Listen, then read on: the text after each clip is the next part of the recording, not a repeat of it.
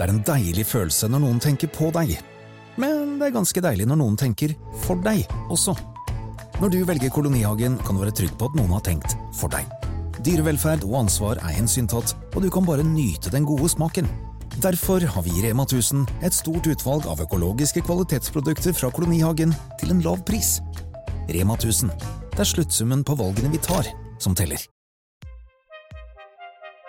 Denne episoden av Avhørt ble først utgitt på Podme i 2021, men kan nå høres gratis for første gang. For eksklusive episoder av Avhørt, gå inn på podme.no, eller last ned appen Podme.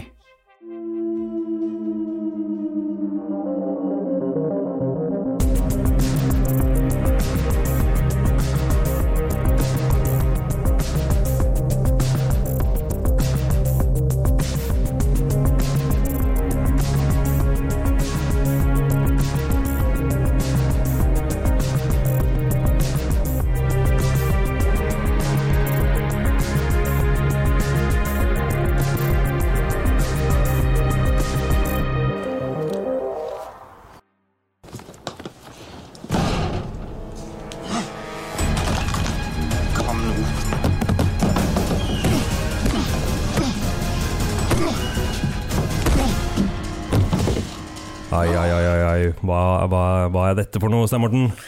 Det hørtes eh, voldsomt ut. Det var mye slåssing og eh, mye action. Velkommen til oss, eh, Jon. Takk skal du ha. hva var det vi egentlig hørte for noe her? Ja, det var vel lyden av action. Det er adrenalinet som kicker, og folk som er i handling. Motivasjon for å gjøre et eller annet, komme seg et sted, møte hindringer, overkomme dem. Noe sånt. Jeg tenker du skal få lov til å presentere deg eh, selv. Litt hvem du er og hva du driver med. Skal vi begynne der kanskje, Helge? Jeg heter da John Smith Kobashi. Og... Nei, du sier John, altså, ikke Ja. Jon. Ja, sorry. Nei, det går bra. Ja, det går fint. Altså, Jeg fornorska det litt. det går helt fint, for at jeg er vant med at folk sier begge deler. Okay. Men jeg, jeg sier alltid bare John. Mm -hmm. Så ja, jeg heter John, da. jeg er 35 år og er fra Ålesund. Og jeg eh, jobber som regissør, stuntkoordinator, stuntmann og skuespiller. Eh, og jeg driver og eier en fagskole som utdanner stuntskuespillere i Norge. det er Norges første stuntskole, rett og slett. Det er det. Ja. Det gikk jo ikke upakt hen da du skulle starte den skolen. Ja, Ja, Det var vel noen som var litt sure, var det ikke det? Ja, eh, jeg startet jo første gang i 2013, og så drev jeg i fem år. Eh, og nei, tre år. Og så la jeg det ned eh, en liten periode, og så startet den opp igjen. Skulle ha litt mer profesjonelle rammer, for at jeg så et enormt behov etter å ha reist rundt omkring i verden og eh, sett egentlig problemstillinger som er rundt om. da. for, for du hadde en del erfaring i utgangspunktet med stunt fra filmer og sånn, Ja. Og så bestemte dere for å starte din egen skole. Ja, så jeg bestemte meg eh, for det etter at jeg vært, eh, hadde vært i LA da, mm. i 2010. Eh, men så kom jeg hjem igjen og starta.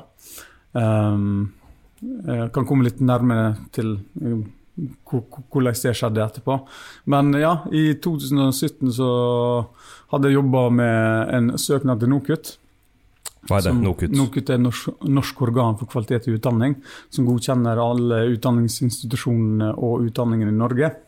Eh, og jeg skulle da få godkjent skolen etter eh, eh, fagskoleloven, eh, med fagskoleutdanning, 60 studiepoeng ett år fulltidsstudie.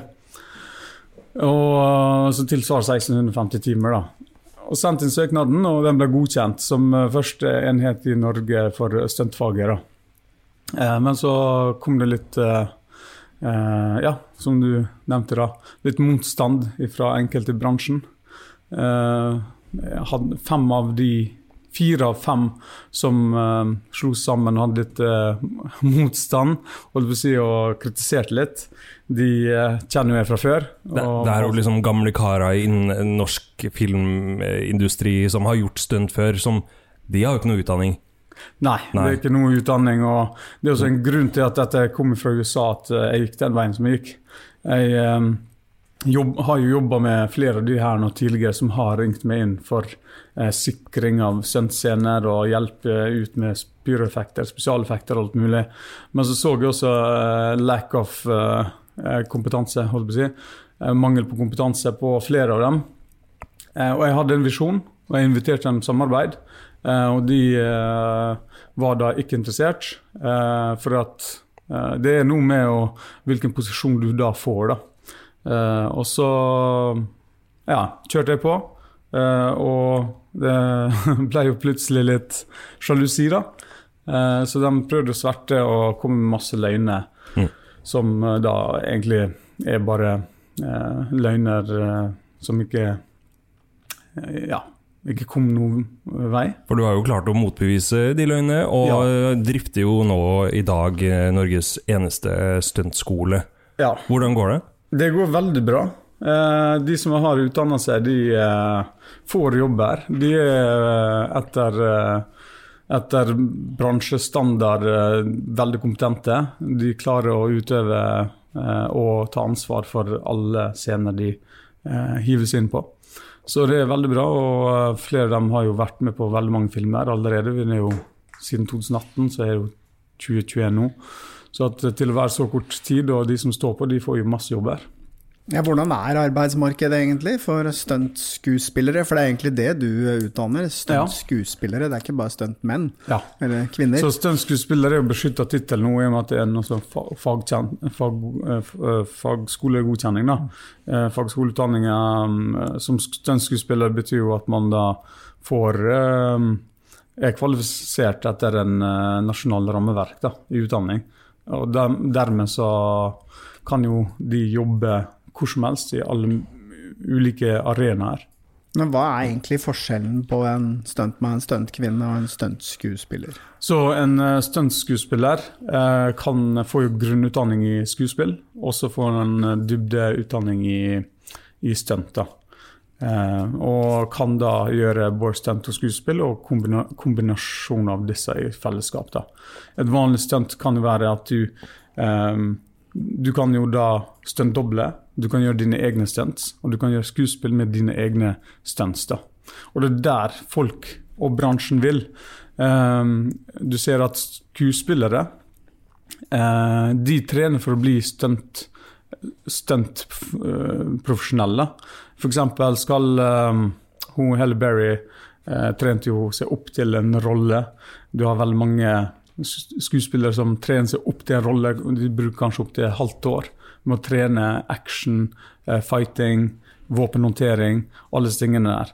Og Det er ikke noe de har lært på skolen, men det er noe som de lærer av andre profesjonelle stuntfolk. Eh, og så en stuntskuespiller gjør jo disse eh, lærer og utøve stuntscener kombinert med skuespill. Mens en stuntmann eller stuntkvinne, det er jo en ikke beskytta tittel direkte. Eh, hadde du da f.eks. vært eh, eh, proff eh, og konkurre- konkurrert i OL innenfor eh, la oss si snowboard, da. Og så er det James Bond-film som har en snowboardscene oppe i fjella. Eh, så, så kunne du ha blitt kalt inn til å være stuntdobbel for han. eh, For den scenen. Og Da hadde du fått betalt, og da hadde jo din tittel vært stuntmann eller stuntdobbel. Så, at, eh, så fort du får da en betaling, og du kan det spesifikke handlinger som det kreves, eh, som kreves innenfor den scenen, så får jo du eh, på en måte en tittel. Men det er ikke dermed sagt at du kan plutselig gå og jobbe med rigging, stuntrigging andre steder bare for at du har eh, tatt et oppdrag. Så der, der er jo sånn diffus, da.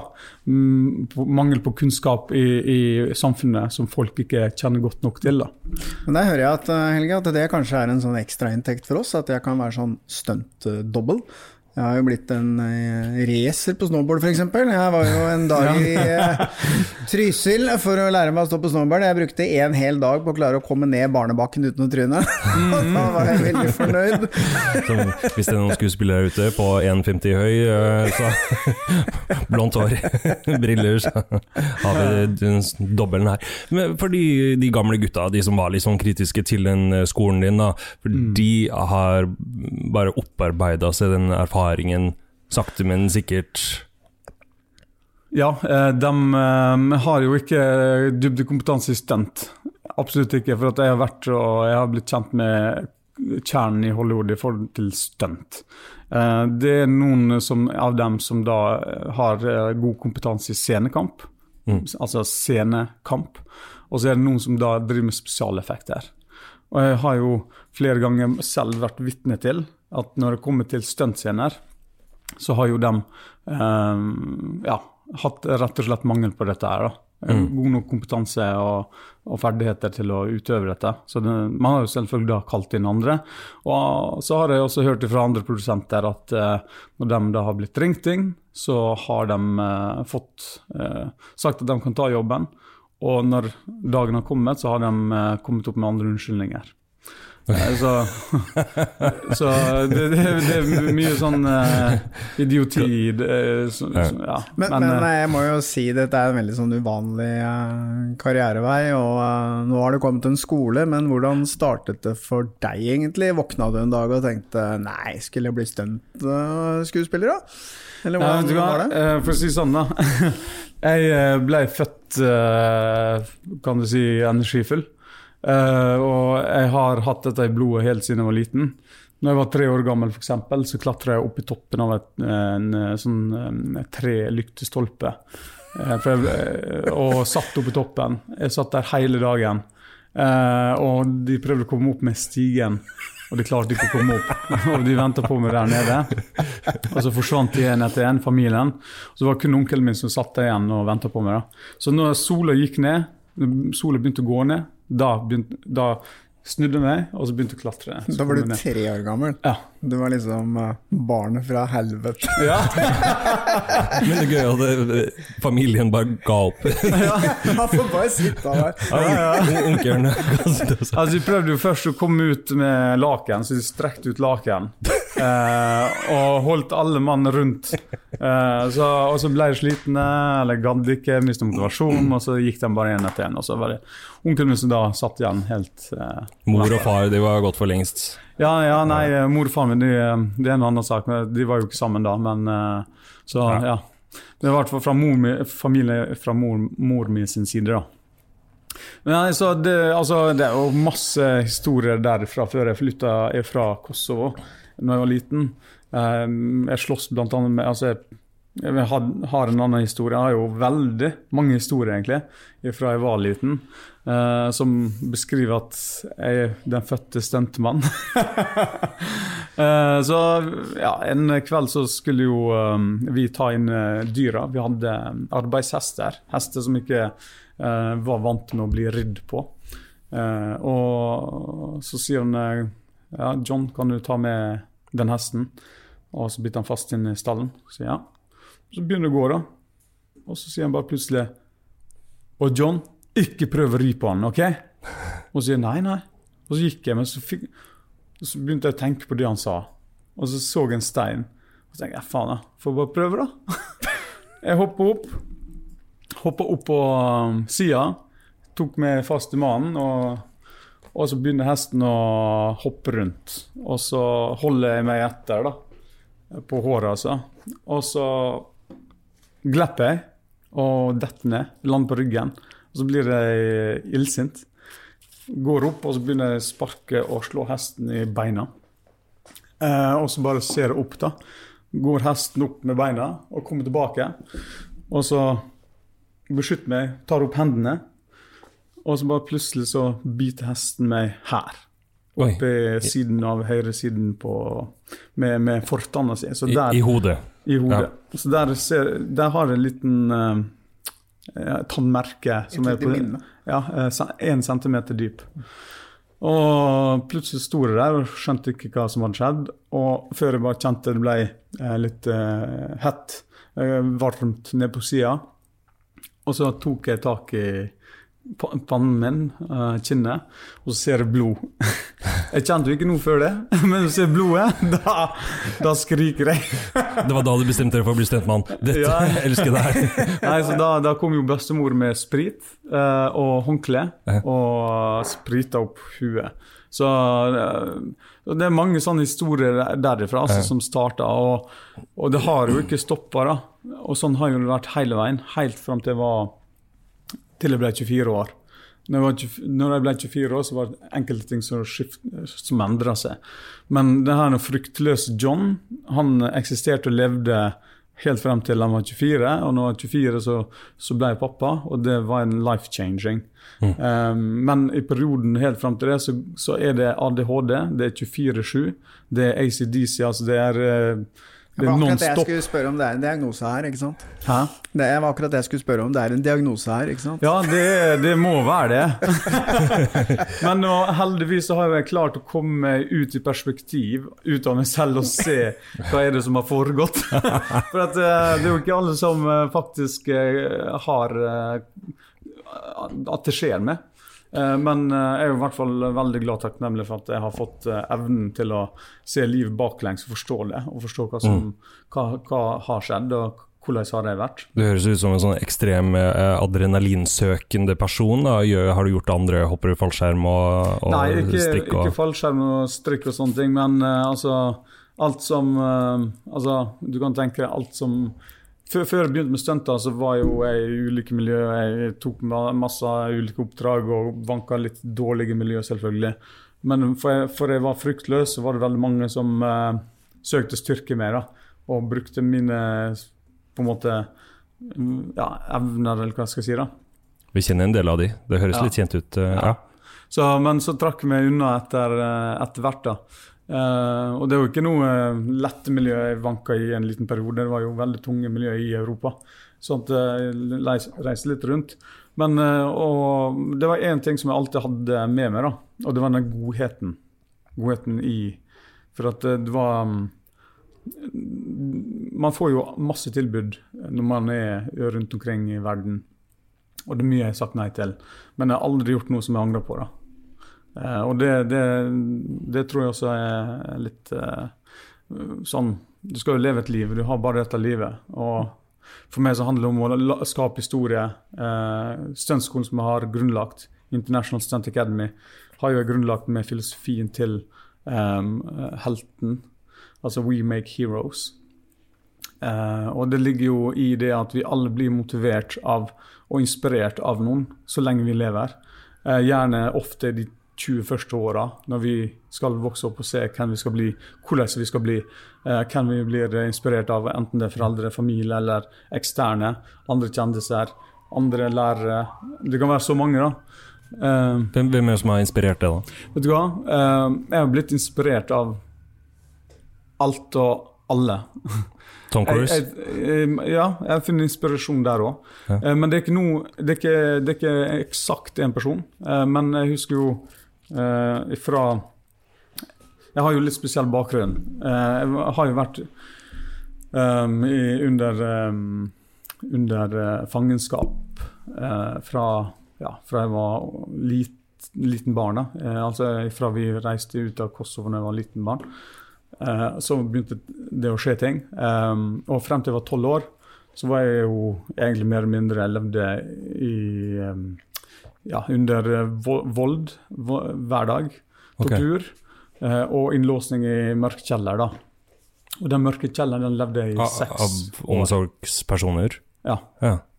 Uh, og det en, uh, akkurat det er jo en veldig spesiell, uh, spesiell situasjon, tenker jeg. Eh, fordi at hvordan, Hva er det som får en, eh, en, et foreldre da, til å gjøre sånt med barna sine? Det er jo et veldig godt spørsmål. Eh, og så jeg har jo vært med både mor og far, biologisk mor og far. Eh, med mor var vi frem til, var, frem til 94.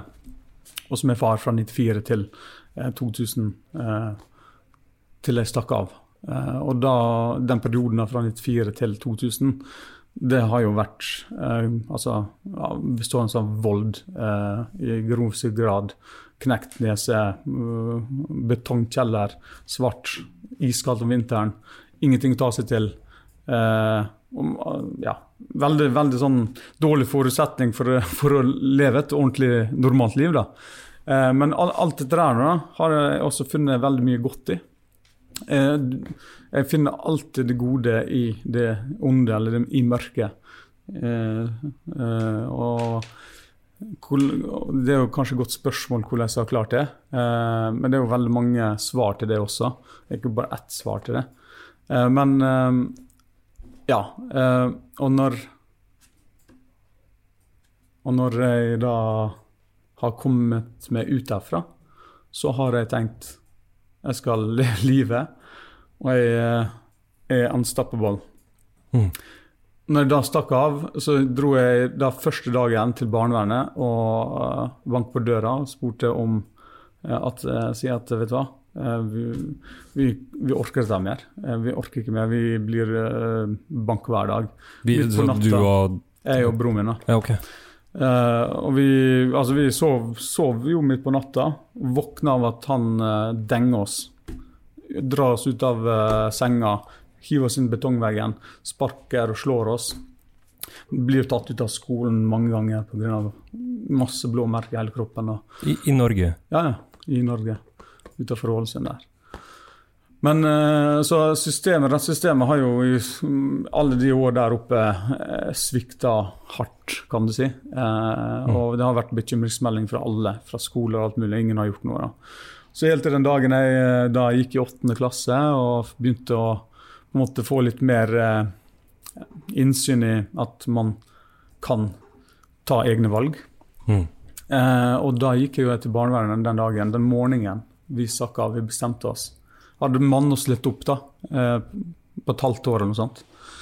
Og så dro vi inn og ringte på og sa at vet du hva, nå, nå har vi fått nok, nå gidder ikke vi, vi reiser ikke tilbake.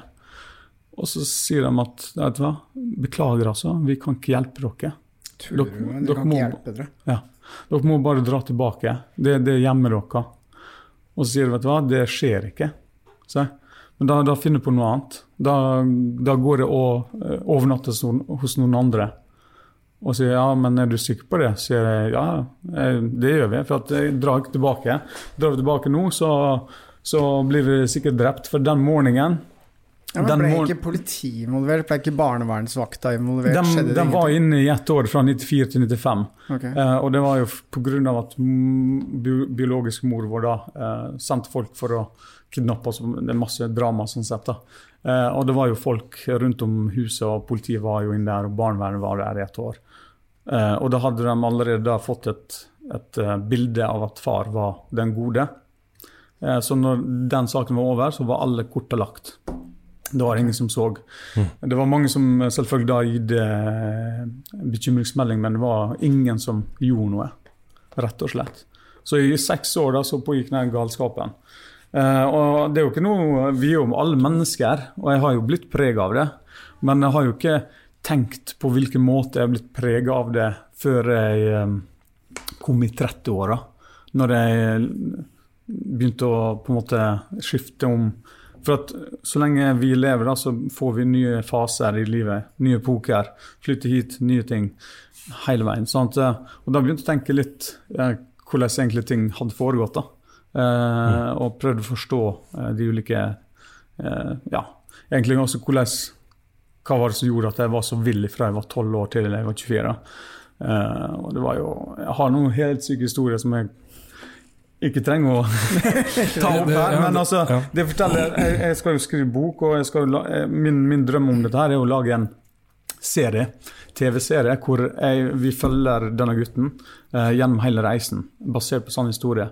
Og Hovedmålet mitt med det er å, å, å fortelle folk at det, altså Hovedmålet er å gi inspirasjon, rett og slett. At uansett hva du kommer utafor, så finnes det alltid en god vei.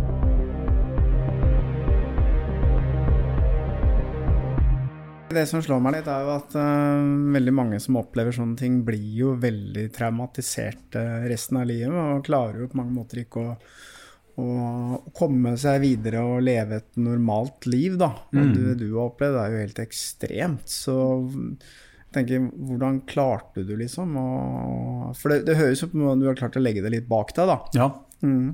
Ja, jeg har det. Jeg eh, fikk jo diagnose PTSD i veldig ung alder, som gjorde at jeg ikke kom inn i Forsvaret eller i militæret. Liksom. Jeg ville jo gå den veien. Og, eh, men det ble jo ikke aktuelt. Eh, og jeg søkte alltid action-delen.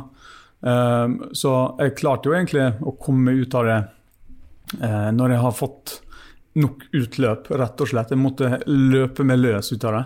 Eh, og når jeg var da løpt ut eh, Men underveis så hadde jeg eh, mine søsken og hele tida som på en måte alltid har vært der. Eh, så det, det er jo en god ting som på en måte har vært den stabile eh, gjennom hele reisen. da. En annen ting er jo at da jeg valgte å flytte den dagen jeg gikk ut ifra Eller stakk av hjemmefra, da kom jo jeg inn eh, hos en kamerat som jeg ble kjent med da på ungdomsskolen. Og foreldrene hans var jo veldig snille, og de eh, tok jo meg inn eh, med åpne, varme hender. Eh, og der lærte jeg egentlig en annen del av eh, Norge, det å bli eh, inkludert, det å bli integrert. Noe som da ikke hadde noe godt nok kjennskap med fra tidligere. Fordi at vi var jo stort sett innlåst og hadde eh, si, militærregime på et klokkeslett. Var vi ett minutt for seint, så er det så vi start, Han startet jo med husarrest, og den husarresten den ble jo bare til en, eh, et fengsel til slutt. da. Det er din, din biologiske far. Ja, det er riktig. Så, men eh, ja, hvordan jeg kom meg ut av det? og egentlig Gjennom flere, flere måter. For at I 2010 da, så søkte jeg Jeg tenkte jeg skal følge drømmen min. Eh, Jeg har lyst til å jobbe med film, jeg har lyst til å jobbe med action. Jeg har jo sett på Jack Chan-filmer, jeg har sett på Charles Chaplin, jeg har sett på masse, masse TV-underholdning som alt har inspirert meg. Eh, og når jeg da reiste til USA i 2010, så blir jeg der eh, en god stund. Men så får jeg en telefon om at, at eksen min var blitt gravid, osv. Og så at hun har valgt å beholde barnet, da. Uh, uansett om jeg ville eller ikke. Og men så tenkte jeg at eh, OK.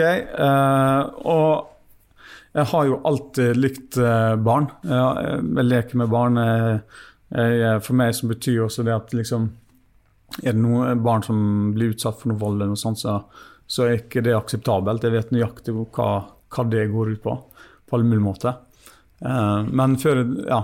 Så så når jeg dro dit, så fulgte jeg drømmen, egentlig. Og det gikk veldig bra i Hollywood. Og hadde jeg bod, fortsatt bodd der, så hadde jeg ja, selvfølgelig jobba på der borte. Men jeg valgte å dra til Malibu eh, den dagen jeg fikk vite det, og tenkte litt over ting. Eh, satt, egentlig brukte hele dagen på nesten, kan du si, meditere. Gå gjennom livet. Eh, og I solnedgangen og sånt. og tenkte, vet du hva, da la jeg en plan, da la jeg en visjon. Da la jeg en visjon for hele livet. Da tenkte jeg at dette er mitt kall. Mitt kall er å dra tilbake, være en god far. Eh, og jeg skal starte det jeg har opplevd i Hollywood, hjemme. Så jeg dro hjem med en ny plan. Jeg skal skape Hollywood i Østfold, for jeg bodde i Moss eh, den gangen. Eh, og, og da kom jeg hjem til dattera mi, eh, og har da valgt å ha 50-50 samvær og godt samarbeid med mora. Eh, for vi har jo vært sammen tre år før det, og gjort det slutt og prøvde å få det til i ett år. Det gikk ikke. Eh, og da valgte vi heller å ha delt samvær. Og det har jo egentlig for så vidt fungert greit. da. Noen utfordringer selvfølgelig, men altså, i stort sett så er det veldig bra. Uh, og, og det jeg opplevde da, å være der for, egen, eh, for eget barn, var jo å gjenoppleve, egentlig Ikke gjenoppleve, men oppleve en sunn oppvekst sammen med barnet mitt. Med eh, gode rammer, stabilitet, forutsigbarhet. Eh, Noen som alltid ser det. Noen som, så at det er da Ja. Alt, alt Bruk tid med barnet ditt og sånne ting. Det, det er så verdifullt. da, Og det eh, fikk jo meg til å endre meg en god del. Eh, Den, men den prosessen den starta jo litt før òg. For at før jeg dro til um, USA, så jobba jeg også i, i uh, ja, det, det var faktisk når jeg kom tilbake. da. Jeg startet å jobbe i barnevernet, og så jobba jeg i barnevernet totalt i fire år. Oh, ja, så Eh, du begynte å jobbe i barnevernet selv? ja. Ok. Eh, Så jeg jobba gjennom da, for jeg var vakt på et eh, utested i Moss i mange år. Og så eh, Han som eh, da eh, eide det ene utestedet, spurte om jeg var interessert i å jobbe eh, på en barnevernsinstitusjon med, med vanskelige stilte barn. Eh, de mest heavy. eh, For han så eh, et talent til meg. og så sier jeg vet du det vil jeg gjerne. Og da, da ordna jeg meg jobb, fast jobb eh, som det, og var der eh, for dattera mi. Og, eh, og så tok jeg på meg litt oppdrag ved sida av, da. Samtidig som jeg resten av tiden brukte på entreprenørskap. Det å bygge Holdt på å si Etablere mine ideer, da. Ja, for da, I dag så har du jo etablert denne stuntskolen, og det går jo som vi skjønner eh, veldig bra. Men jobber du fortsatt selv som stuntskuespiller? Du er jo fortsatt i ganske god form. Jeg pleier også å utfordre folk til sånn eh, pushups-konkurranse, men jeg tror jeg dropper det i dag, Helge. Ja, nei altså jeg, jeg jobber jo eh, med skuespill, og så jobber jeg som stuntkoordinator og regissør. Fordi at jeg har funnet Jeg finner jo eh, holdt på å si mine interesser, mine kjerneinteresser. Regi er jo fordi at jeg har eh, en genuin interesse av å formidle historier. Eh, og så er det um, stuntkoordinator fordi at jeg har den kompetansen som har bygd seg opp gjennom ja, eh, 12-15 år. Uh, og jeg har brukt masse tid på det. Uh, jeg vet alt hva som, hvordan jeg kan få hvem som helst til å prestere det ytterste av seg selv innenfor stunt. Eh, bevegelse, fighting og det som er da, for å få gode resultat. Eh, og, og skuespill fordi at eh, det å rolleformidling eh, og sette i karakterer og sånt, det er også veldig spennende. Eh, så, men det er jo ikke alle roller jeg sier ja til. Jeg har jo sagt nei til veldig mye. Og det har jo også vært sånn at eh, underveis eh, mens jeg bodde i Moss, så har jo eh, mesteparten av produksjonen skjedd i Oslo. Så at jeg har jo tatt stort sett alt som er innenfor stuntkoordinatorarbeid. da. Eh, også stuntdobling. Eh, så det, har, ja, det er jo litt mindre kan du si, jobb her enn det er i utlandet. Eh, Men du, hvis du vil bli stuntskuespiller, hva slags eh, bakgrunn eh, trenger du da? Må du liksom være supertrent, og, altså vi, eller kan hvem eh, som helst bli det? Um, altså, vi har jo et opptaksprøve, da. Uh, og så på opptaksprøven så akkumulerer du poeng. Uh, så det er jo en helhetlig um, vurdering uh, ut ifra styrke, kondisjon, utholdenhet, hvor myk du er, hvordan er motorikken i eh, slag og spark. Eh, så tester vi det for høy falder, og så tester vi det for eh, fallteknikk. eh, Basic fallteknikk, så litt mer avansert fallteknikk. Ruller og litt akrobatikk. Og hvordan du tar instruksjon. Ja. Ja, fordi at vi gjorde jo For et par år siden så var vi faktisk og filmet Ja. en sånn opptaksprøve, og da fikk jeg jo prøve meg litt på en del av Stemmer de det. tingene. Ja, det stemmer det. Eh, Kan ikke jeg bare få en sånn ærlig evaluering av innsatsen den gangen, hvis du Ja. husker? Vi var altså på stuntskolen til John Vi var John. på stuntskolen og Ja, filma, for vi skulle egentlig gjøre noe i forhold til Insider. Det ble dessverre ikke noe av. Mm. Men, uh, men uh, jeg husker jo at det var ganske krevende, de tingene. Ja, så bra. Jeg vet ikke om jeg husker Nei, men, det, men han skulle eh, fremføre en monolog. Blant annet. Ja. Ja, det var det verste, å fremføre ja, det, monologen. det var det verste. Det var det det verste var det, for oss ja. alle. Falle, det, Det, det, det, mener, jeg. det er det faktisk de fleste som mener. For at uh, sånn stunt og sånne ting, som regel de som søker seg, de er jo litt fit. De har jo et, eller annet bakgrunn. Så du kommer ikke helt fersk og ikke har aldri gjort noe. Eh, så, så Men ja. Og så skuespill-monologdelen, den er den er det mange som uh, syns er litt vanskelig. Så er det noen som faktisk tar den veldig lett. Men uh, jeg husker jo din innsats, og du gjorde Du gjorde det bra. Du er jo godt trent. Du holder jo en god livsstil innenfor trening. Ja da, det blir litt trening, men jeg, ja. følte meg ikke, Jeg jeg, jeg følte meg ikke kjempekomfortabel. Jeg har, jeg har stor forståelse av at du har vært gjennom eh, mange, og at du ikke husker nøyaktig. Men det gjør jeg, og jeg har det, liker best, det jeg liker best med dette, er jo et veldig sånn diplomatisk svar. ja. Ja. Men vi kan jo høre på hvordan det faktisk var. Må vi det? Nei, slutt! det trenger vi ikke. Nei, vi har ikke tillatelse til å sende det novemberfilmmaterialet. sitt. Det kan du være glad for. Nei da, det var fint. Men du, jeg, her om dagen så, så jeg på Instagram, og da hadde dere en sånn rappellering fra et 45 meter høyt eh, tårn. Det så ganske heavy ut. Er liksom det en del av eh, utdannelsen? Ja, Um, det er jo det. Eh, når man liksom har trent basic, så går vi videre til eh, nivå 1, nivå 2, nivå 3. Og eh, vi på en måte Sånn som rappellerer fra 45 meter er jo utgangspunktet helt ok, på lik linje som rappellerer fra 10 meter. Det er bare at du får litt mer, eh, mer, jobbe, mer tid å jobbe på. Og så setter du også så selvfølgelig også litt press hvis du er litt redd høyde. Så setter jo det litt press på å fortsatt håndtere eh, rappelleringsteknikkene rett. Eh, og i tillegg til hvis du ønsker å utforske litt da, og hoppe litt rundt fra vegg til vegg, og litt sånne ting, så er jo det også gøy. Um, så det er jo ja, ganske sikkert, ganske trygt. Um, Ganske. Ganske ja, det er, trygt. Du er jo stroppa fast, og det er jo eh, godt sertifisert utstyr man bruker.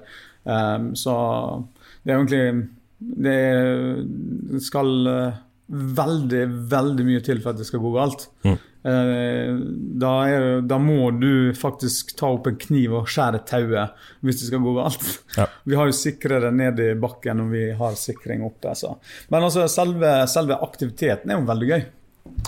Ja. Hvordan er det når du er stuntmann i en film, da, en, en storfilm, Uh, med forsikring og sånne ting? Er det litt på eget ansvar, eller Nei, altså Alle har jo uh, forsikringer. Uh, og Av og til så kan også produksjonsselskapet ha forsikringer. Sånn som på skolen så har jo vi Skolen har jo egen forsikring, og så har alle studentene også forsikringer i tillegg. Så at uh, forsikring er jo bra. Uh, og Australia f.eks. har jo, eh, har jo um, laga egen forsikring for eh, stuntutøvere, eh, som er stunt performer. Eh, og ja, de har jo egentlig kommet ganske langt eh, på, på det viset. Mens vi da har kommet også ganske langt med å etablere verdens første godkjente fagskolen for stuntfaget. Så at vi har jo samarbeid med både institusjoner og personer i Hollywood og i Australia og England. Men eh, så har jeg hatt en Jeg har jo en visjon som tar 50 år eh, å, å komme på plass. Det tar altså 50 år eh, etter eh, å, å nå målet, da. Så det er jo en del av den prosessen. Her er en liten quiz. Du må svare det første du tenker. Okay. Hvilken farge er det mest av i flagget til Brasil? Grønt. Hvilken farge har pengesedler i Donald? Grønn? Ja. Hvilken farge har bedriftshelsetjenesten som passer best for mindre bedrifter? Grønn. Ja. Grønn jobb er bedriftshelsetjenesten som er tilpasset mindre bedrifter. Få på plass bedriftshelsetjeneste på grønnjobb.no.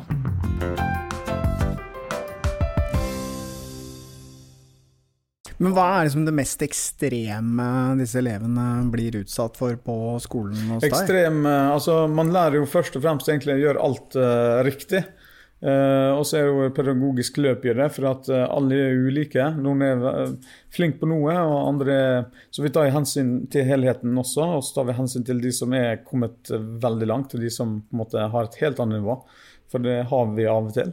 Eh, og da må vi eh, legge opp eh, undervisningen litt deretter, så at alle kan få læringsutbytte tilpassa både utvikling, men også arbeidskrav. da. Sånn at eh, Altså, vi har jo stunts med, med Altså, jeg kan jo si at hele utdannelsen den består av fem emner. Det er stunt, skuespill, eh, film og scenekamp. Eh, og så er det parkour, og så entreprenørskap. Så stunt er jo største delen. Um, og så kommer skuespill deretter, osv.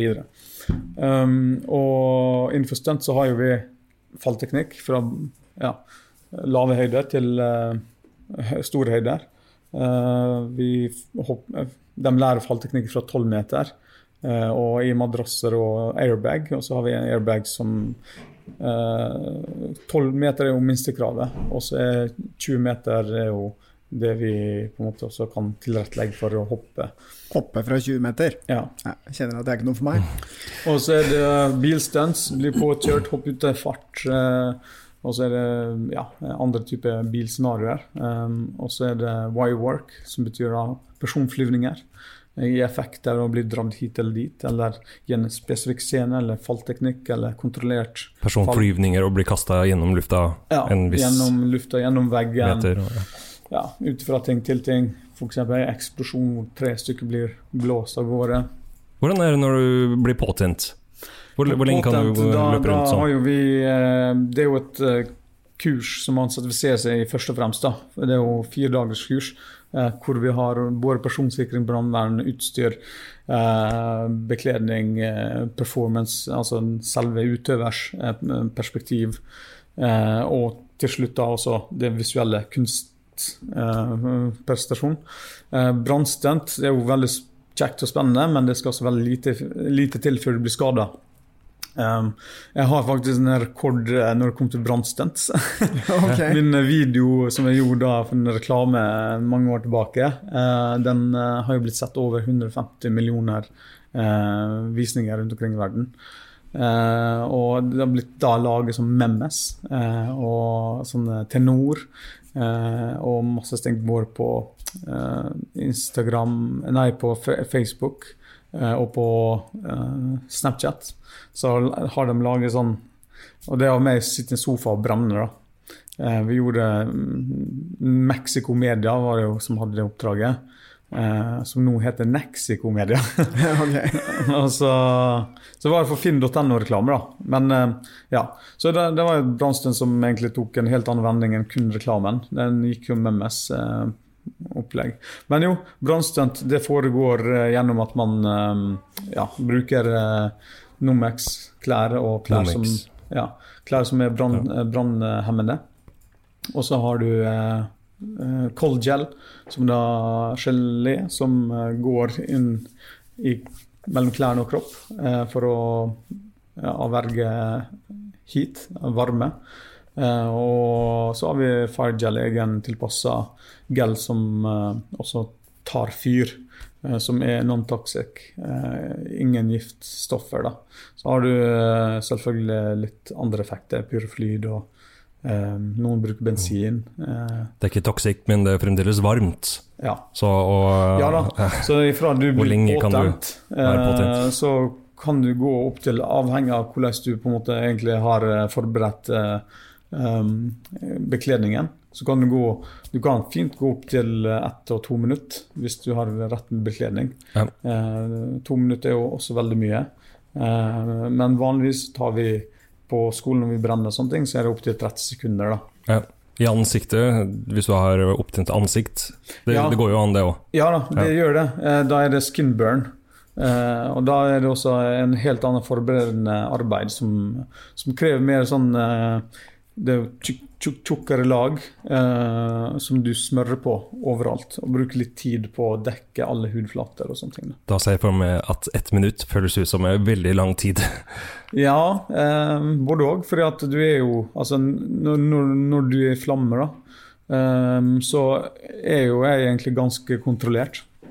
Ganske avslappa. fordi når jeg da også snur meg, så vet du at flammene beveger seg etter meg. Så hvis jeg går til venstre, to meter, og snur meg direkte til høyre, så vil jeg møte flammen i ansiktet. Går jeg til venstre to meter og går fram opp til høyre én meter, og så snur jeg med en liten bøy, en liten ring, så vil jo flammene følge etter og ikke treffe ansiktet, f.eks. Så gangen også i hvordan du går, eh, er også en del av den opplæringa. Eh, det kan også være at du skal brenne opp i ansiktet, og sånne ting, og da er det også forberedt til det. da. Men i sin helhet, når du begynner å kjenne noe, da er det time out. Da skal det slukkes. Gir du tegn, da begynner, står du og vifter med armene og sånn, men det vil jo en, sannsynligvis den personen i filmen òg gjør når den står i full flammer. Så hvordan gir du signal hvis du Signalen, altså, eh, fasiten der er jo at eh, man planlegger en, eh, en slukking. Eh, hvis du f.eks. bytter fast og blir tent, så kan jo signalet være at eh, i samarbeid med regi og, og den som skal brenne, at man eh, sier at 15 sekunder eh, trenger du få ta det klippet. Eller at du eh, løfter opp handa, eller at du går. Du er ikke bitta fast, du er løs, men at du går, så legger du ned på det punktet hvor man har avklart. Så når du setter ned og legger ned på magen, så blir du slukt ut. Ja. Så det er mange måter å gjøre det på, avhengig av hvilken situasjon du er. for det er noe eh, det kan, det kan være at du blir, brenner inn i en bil. Det kan være at du brenner eh, stående rundt omkring. Det kan være at du brenner i senga, altså i sofaen, overalt. Og da Altså Fasiten den er å lage en plan rundt det scenarioet hvor du er. Det er jo ikke bare deg selv og de som skal slukke det, men så har du også andre eksterne faremomenter. Eksempelvis hvis det er moltotepp som ikke er pregnert. Eh, du har ja, alt annet materiale og miljø som kan også forårsake eh, ekstern brann. Folks flest eh, verste mareritt, det er det du oppsøker helt frivillig. Ja, eh, du vet, eh, det er veldig sånn veldig kult i starten, og sånt, men nå har jo jeg gjort Jeg har faktisk utøvd over 60 brann, eh, kanskje mer òg, jo, enda flere. Brann, brann, personbrann, med hvor jeg slukte og leda egentlig som brannleder for brannstunts. I alle mulige ja, opp til, Vi har hatt opptil fire på én gang som har brunnet. Eh, og brønner på ulike steder. Brønner inne på NRK, slått av selvfølgelig det innebærer jo at man slår av brannalarmen og alt mulig. Og brønner inne på, en, på et eh, show. Live performance, eventshow. Eh, på ja, film-TV ute, i elva. Vi har brønner overalt. så Brønner er rappellerende, og så har jeg også brønner på motorsykkel. Eh, kjørt wheelie mens man har brønner. så det er mye kult. Det er jo liksom å sette sammen de ulike stuntene også, som er litt, litt artig oppi det her. da. Mens når du har gjort det en del, så er det ikke sånn at du mister respekt for det. Jeg er like skjerpa og årvåken hver gang. Eh, og det er jo Jeg tar ingen risiko. Eh, og jeg tar også full kontroll, fordi at eh, da vet jeg at ting blir tatt hånd om. da. Så jeg lar aldri en tredje part eller andre part gjøre ansvar. Jeg leder alltid og gir instruksjon til også brannsafety, safety, som vi kaller det. Så da har vi folk med CO2-apparater og alt annet. Så det er jo et apparat som skal til for at utøvet er dette her skikkelig. Eh, og vi bruker gjerne da kort tid på design og scene, men det er jo som følge av eh, mange års erfaring og treninger. Ja. Når du er stuntkoordinator på en film, da Mm. st- står du da som øverste ansvarlig for sikkerheten rundt en stuntperson som utfører det? Ja. Ja. Mm. Sånn som uh, Tom Cruise, som angivelig gjør sine egne stunts. Mm. Eh, det, det apparatet rundt han må jo være ekstremt stort, for Mm. det er jo så store økonomiske følger hvis eh, det skulle gå galt. Mm. Han, eh, han er jo ikke bare stuntskuespiller, han Tom Cruise. Han er jo også en produsent. Så at han eh, er med på å bestemme veldig mye selv. Selv om han hadde hatt en ekstern produsent som hadde sagt nei, så hadde det vært noe annet. Men i og med at han er produsent på veldig mange produksjoner, så gjør han litt som han vil. Rett og slett. Og han vil eh, kjøre utfor den Ja. eh, fjelltoppen med klette Ut på det flyet som eh, tar av, liksom. Mm. Eh, Ja, det er jo eh, sikring, rigg- eh, riggsikring og sånt. da. Man har jo eksempelvis sånne stunts og sånne ting, så, så kalkulerer man, man går gjennom alle detaljer som kan foregå. Altså Planlegging, som jeg alltid sier, det er det største delen av arbeidet før selve stuntet starter. Eh, Sette seg ned og lage planer. Hva er vindværforhold? forhold? Eh, altså Eksempelvis, da, hvis man tar bare et eksempel som dette her, Tom Cruise kjente, hvor han henger etter det flyet. Først og fremst er jo det en eh, harness, personharness, som det heter. Altså harness, det er en, slags drakt? Ja, En sele man har under? ja, riktig. Ja. En sele for personer som skal eh, bli ja, eh, dradd eller løfta. Eh, Du har fly harness, stunt harness, jerk. Den blir brukt til alt mulig, egentlig.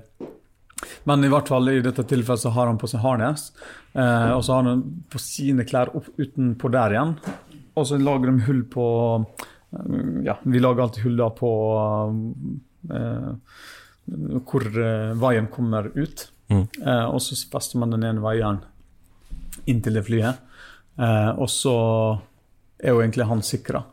Eh, så litt av jobben må han gjøre selv, med å faktisk holde seg. Og Tom Cruise er jo gammel klatrer, og det kan jo han veldig godt. Eh, så det er jo ikke mye han må holde, men han må i hvert fall holde nok til at det ser ekte ut. Eh, og så er det spørsmål da hvor, hva, hvilke andre faremomenter eh, som kommer til spill. Rullebanen, avtagning, opp i lufta hvor lenge. Og hvis, hvis det f.eks.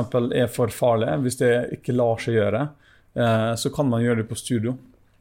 Rigge opp hele settet på studio. Mm. Eh, Green screen studio. Eh, så styre alt digitalt også i postproduksjon. Uh, så det, det er et felt av uendelig svar, egentlig. Fordi at uh, det all, alle situasjoner, alle stuntscener har sine, sin del av kunnskap og planlegging og far risikomomenter. Da. Så, men, men alt det vi har av verktøy, gjør det mulig å få til hvilken som helst stuntscene. Det er bare fantasien som setter grenser. Nå har du jo eh, flere kull eh, som har gjennomført uh, stuntskolen, og noen inne nå. Hvordan jobber du med å få de her ut i bransjen? da? Nei, Vi har jo først og fremst eh, entreprenørskap på skolen. da. Eh, hvor man lærer om eh, det å drive, starte drive enkeltmannsforetak, hvor man skal være frilans. Hvor man eh, søker jobb, eh, hvordan man søker jobb. Det å lage self-tape, det å lage demo-reel. Vise hva man kan. eh, lage acting reel. Eh, det å være på riktig plass til riktig sted. Hvilken kanal man skal søkes gjennom. Arbeidsmiljøloven. hva man skal ta i fakturering. ja, avhengig av hvilken type produksjon det man søker på. Eh, og så, så det er veldig mange faktorer som eh, kommer til grunn eh, i opplæring når man skal da lære å jobbe selvstendig. da. Mm. men av alt i alt så er det også dette her å være en god person å jobbe med. For mm. hvis du Du kan tenke deg at når du jobber på sett i tre måneder i strekk, eller kanskje ett år, to år, så skal jo du være en person som er, det er OK å være rundt. Så dine personlige egenskaper bør jo også være at du kan ikke være overivrig på sett. Du tapper både selv og andre for energi. Og, så det å være på sett er jo eget språk, egen, eh, egen atmosfære. Eh, Det, det foregår rolig. eh, Alt, alt foregår rolig, kontrollert, sikkert. Du er alltid forberedt. Så det, det å faktisk jobbe på sett er jo en del av opplæringa. Men det å få seg jobb, eh, det, det har jo vist seg nå at eh, mange av de som har eh, valgt å, å jobbe videre i bransjen, har også fått veldig mange jobber. Vi har fått være med på veldig mange produksjoner. Filmproduksjoner, reklameproduksjoner, TV-serier. Noen har fått fast jobb på teater. Så de jobber litt spredt overalt. Eh, Så det er veldig bra. Så er det noen som har gått videre og tatt andre utdanninger. eh, Og gjort dette som et friår, hvor de har, ville ønske å teste seg selv. eh, Og være en del av det opplegget. Og ønske å være oss videre med, i begivenheter hvor det, man trenger dem. Eh, Så det er jo liksom litt eh, Ja litt blanda, kan du si. Men de fleste vil jeg si, de, de går jo ut med og søker. da. Så det er, jo, det er jo helt klart at markedet har jo vist at det er et godt behov for eh, stuntskuespillere. Um, jeg husker når jeg starta, så var jo Jeg ble jo eh, ja, kalt inn for uh, stuntdobbel i min første filmer uh, som jeg var med på. Og når det da kom inn, så spurte kamera DP, altså Director of Photography og regissør, ja, hvordan skal vi gjøre dette her, da? Og så begynte jeg å illustrere og si at her kommer det, som lang tid bruker jeg her, og så brekke ned på en måte hele handlinga. Og da gjentok dette seg, da, egentlig. Og det ble automatisk det at jeg ble alltid spurt hvordan gjør vi dette her? Hvordan, hvordan gjør vi dette sikkert? Da, Fra, fra første jobben du hadde. jobben. da tok du liksom Ja. på deg å instruere. Ja. Og den, den første jobben var jo uh, både bilstunt, bli påkjørt, det var våpenhåndtering, det var instruksjon, det var fight-koreografi, og det var et fall på fem, eller et hopp på fem meter. Og det hoppet på fem meter, det, fem meter det tok vi helt til slutt av, uh, slutten av uh, dag to. Um, og da uh, mista jo kameramann meg flere ganger. Så at jeg måtte hoppe seks ganger for at de skulle få alt. Da, da kjente jeg litt eh, at uh, sier jeg, ok, nå må du prøve å ta dette her, for det her er litt belastende. Så, og det var jo eh, Men nå er jo sånn at når du skal gjøre um, stunts flere ganger, og det er en risiko for at du skader deg, så er jo også det mer betalt. Det er risikotillegg. og så er det eh, Hver gang du gjør stunt, så får du også ekstra betalt. da. Så kan man eh, være enig om at man gjør eh, to uh, to eller tre ganger, avhengig av hvor eh, risikabelt det er. For at Mm. Blir du skada, så er du også ute av drift i kanskje én, to eller tre uker. Eh, avhengig av hvilken kropp du har, hvor fort du heales og hvilken tiltak du gjør for å bli fortere frisk. Ja, eller kanskje lenger, hvis du breker noe. Ja, ja det òg. Seks måneder.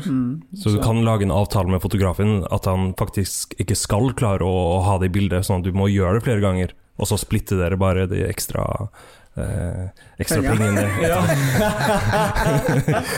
ja det, var, det var en nyhet. Her fikk jeg en idé. Nei, men eh, jeg tenker jo også at eh, det er jo eh, Ja. Eh, det, det som jeg har lært opp gjennom tiden, da, det er jo mye mer om eh, redigering i postproduksjon. Hvordan man setter sammen actionscenene. Uh, og det har jo kommet veldig, veldig til nytte som, fra- som stuntkoordinator. Når jeg har da vært på alle disse oppdragene, så har jo ryktet gått. Ja, du kan ringe John, han, han fikser det. Så når jeg jobber rundt omkring, så har jo alltid alle bare spurt ja, hvordan gjør vi dette her. Og så har jeg instruert og forklart, og så har vi blitt enige. Lysforhold, eh, posisjoner, marks, timing. Alle disse viktige detaljene. Det spiller enorm rolle. Du har ikke tida til å komme på sett og skal prøve ut ting for å se om det funker. Det er kanskje opptil 200 folk på sett, og mer eller mindre. Kanskje 30 man, 10. Allikevel så er det mange folk eh, og mange timer arbeidstidene går utover. da.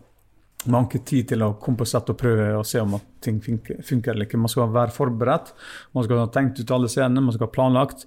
Eh, få inn story, snakke med regi, snakke med de som har noe å si på, på scenen, og høre hva de er ute etter, og så, og så sørge for at, um, at man får det. da.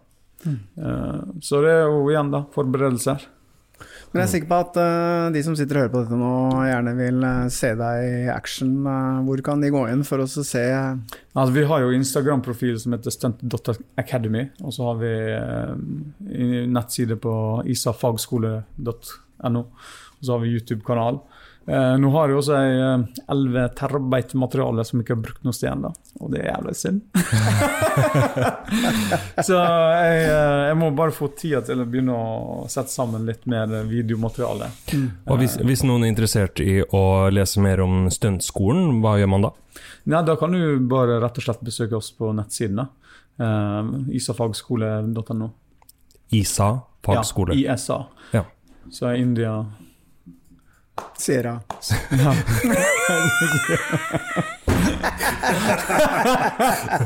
Da blir vi avslørt hele gjengen. Jeg. Sånn de skrotnissene vi er. Ja.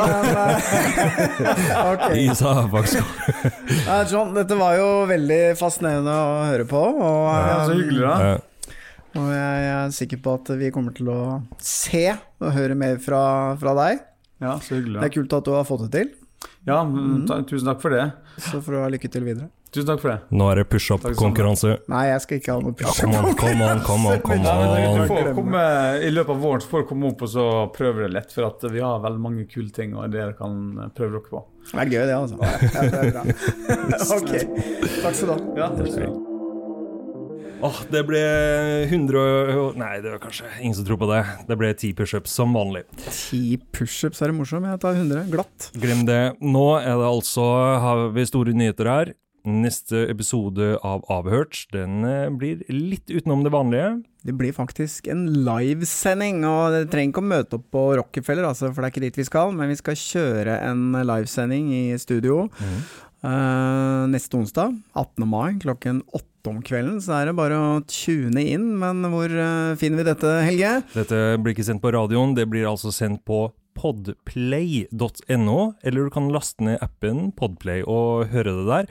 Og sånn som jeg har forstått det, så kan altså de som lytter å sende inn spørsmål, som vi selvfølgelig skal svare på. Nja, vi svarer ikke på alt, men eh, Jo da, send spørsmål, så skal vi svare så godt vi kan. Og jeg håper at dere syns at dette er kult. Vi gleder oss i hvert fall. Dette er live, så her, her er mye som kan gå gærent. Ja, når jeg vet uh, hvor mye som går galt i studio her mens vi sitter og spiller inn, som klippes ut, så er det bare å glede seg til uh, alle tabbene på livesendingen. Den episoden som vi altså spiller inn på den 18. mai, den blir òg lagt ut uh, som vanlig podkast på torsdag den 19. Så hvis du ikke har muligheten til å høre oss live på podplay.no eller på Podplay-appen, så kommer den ut som en podkast. Ja, Vi veit 18. mai, vi veit at dere er litt slitne etter 17. mai, og det er ikke noe som er mer perfekt det enn å synke ned i godstolen i sofaen og høre på livesendingen vår. Avhørt er produsert av Batong Media, og all musikk er laget av Georg Roås. For å komme i kontakt med oss, gå inn på Facebook-siden Batong Media. Hvis du vil høre flere eksklusive episoder av Avhørt, så gå inn på podme.no, eller last ned appen Podme.